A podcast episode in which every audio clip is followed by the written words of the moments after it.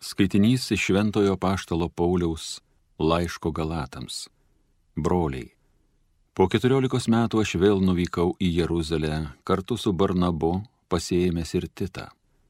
Nuvykau apreiškimo paskatintas ir jiems išdėščiau Evangeliją, kurią skelbiu pagonims, atskirai išsiaiškindamas su įžemesniais asmenimis, kad kartais nebėgčiau ir nebūčiau bėgęs veltui. Atvirkščiai jie įsitikino, jog man patikėta skelbti Evangeliją pagonims, kaip Petrui žydams, nes tas pats, kuris paskyrė Petrą apipjaustytojų apaštalų, paskyrė mane pagonių apaštalų. Pripažindami man suteiktą malonę, Jokūbas, Kefas ir Jonas, laikomi šulais, padavė man ir Barnabui dešinės draugystės ženklan, kad mes eitume pas pagonis, o jie pas žydus. Tik mes turėjome prisiminti jų vargšus, o aš ir stengiausi tai daryti.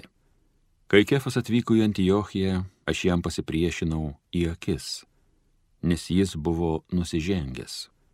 Mat prieš atvykstant kai kuriems nuo Jokūbo jis valgydavo su pagonėmis. Bet kai tie atvyko, jis atsitraukė ir ėmė jų vengti, bijodamas apipjaustytojų. Kartu su juo veidmainiavo ir kiti žydai Netgi Barnabas pasidavė jų veidmainystiai. Pamatęs, kad jie nukrypsta nuo Evangelijos tiesos, aš pasakiau Kefui visų akivaizdoje. Jei tu būdama žydas gyveni pagoniškai, o ne žydiškai, tai kodėl verti pagonis laikytis žydų papročių? Tai Dievo žodis.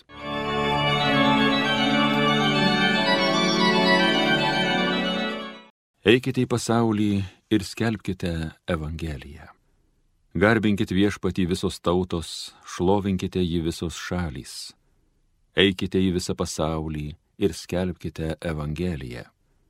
Jo gailestingumas tikrai begalinis, savo pažadams jis ištikimas per amžius. Eikite į pasaulį ir skelbkite Evangeliją. Alleluja.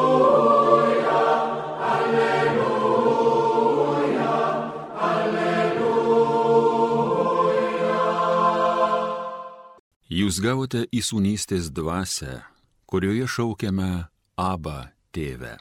Alleluja, alleluja, alleluja. Pasiklausykite Šventojios Evangelijos pagal Luką. Kartą Jėzus vienoje vietoje meldėsi. Jam baigus maldą vienas mokinys paprašė Viešpatė, išmokyk mus melstis, kaip ir Jonas išmokė savosius mokinius. Jėzus tarė jiems, kai melsitės, sakykite, Tėve, teisie šventas tavo vardas, te ateinė tavo karalystė. Kasdienės mūsų duonos duok mums kasdien ir atleisk mums mūsų kaltes, nes ir mes atleidžiame visiems savo skolininkams. Ir nevesk mūsų į pagundą girdėjote viešpaties žodį.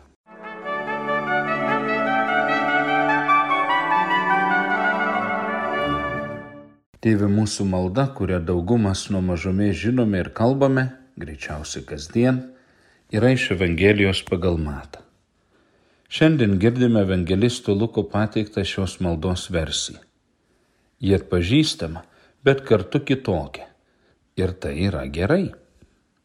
Šitėvė mūsų maldos versija suteikia mums progą šią pernelyg kartais gerai žinomą maldą išgirsti kitaip.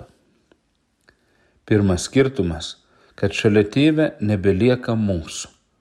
Ir ne todėl, kad mūsų nėra svarbu, bet todėl, kad mūsų nėra be tėvo, kuris yra pirmiausia ne kažkieno, o mano tėvas.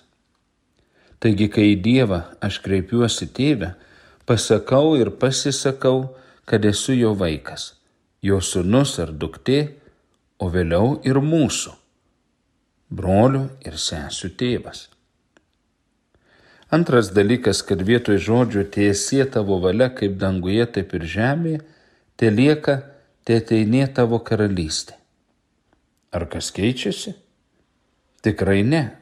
Juk Dievo tėvo valia ir noras ir danguje, ir žemėje įtvirtinti savo meilę pagristų santykių karalystę.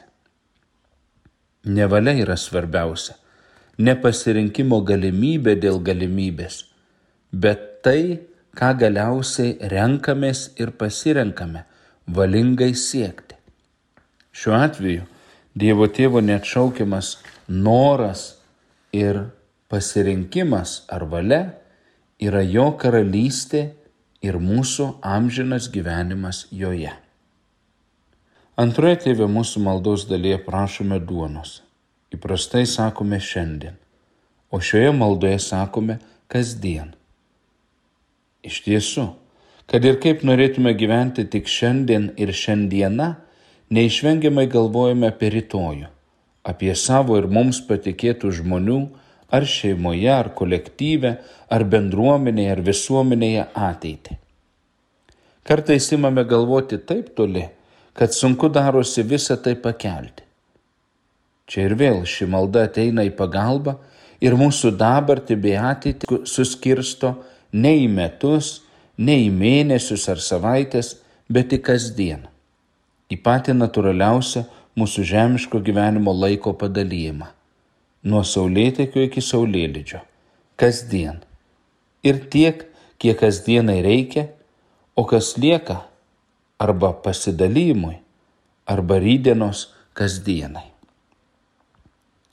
Dar svarbiau, prie kasdienės duonos prašymo prijungti kasdienį atleidimo prašymą, ypač jo, neatleidimo užgavimo, užsigavimo nepaliekant rytojui. Kitaip su nuoskauda, su nuodėme, su užsigavimu gali įvykti taip, kaip su nuo kalno paridentas sniego gniunkštė, kuri rėdėdama gali tapti sunkiu ir pavojingu rieduliu. Nuoskaudos, netleidimo nereikėtų kaupti. Reikia tą dalyką spręsti kuo greičiau ir kasdien nes tai kasdienio mūsų žemiškojo gyvenimo tikrovė - galimybė užgauti ar būti užgautam, nes visi esame riboti ir tose ribose sužeidžiame ir susižeidžiame. Galiausiai ši maldos versija baigėsi nevesk mūsų į pagundą, o nesaugok mūsų nuo pikto. Kodėl? Argi Dievas veda mus į pagundą, kad prašome nevesk? O kas yra pagunda? Graikų kalboje šis žodis verčiamas dar ir kaip išmėginimas, išbandymas. O tai svarbu. Daug dalykų gyvenime, kad galėtume patikrinti ir įsitikinti, reikalingas išbandymas ir patirtis.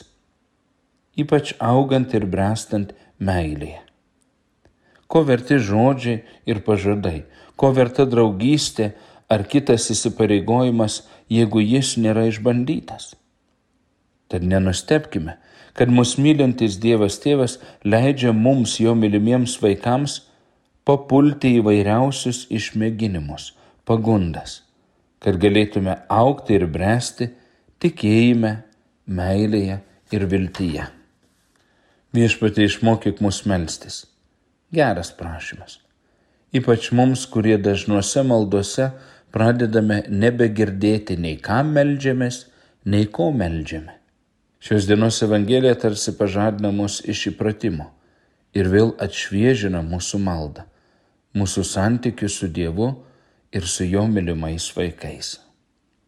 O stebuklingoji Krekinavos Dievo motina, malonių versme, maldos mokytoja rožinio karalienė, būk su mumis mūsų maldose, kasdien ir per amžius. Amen.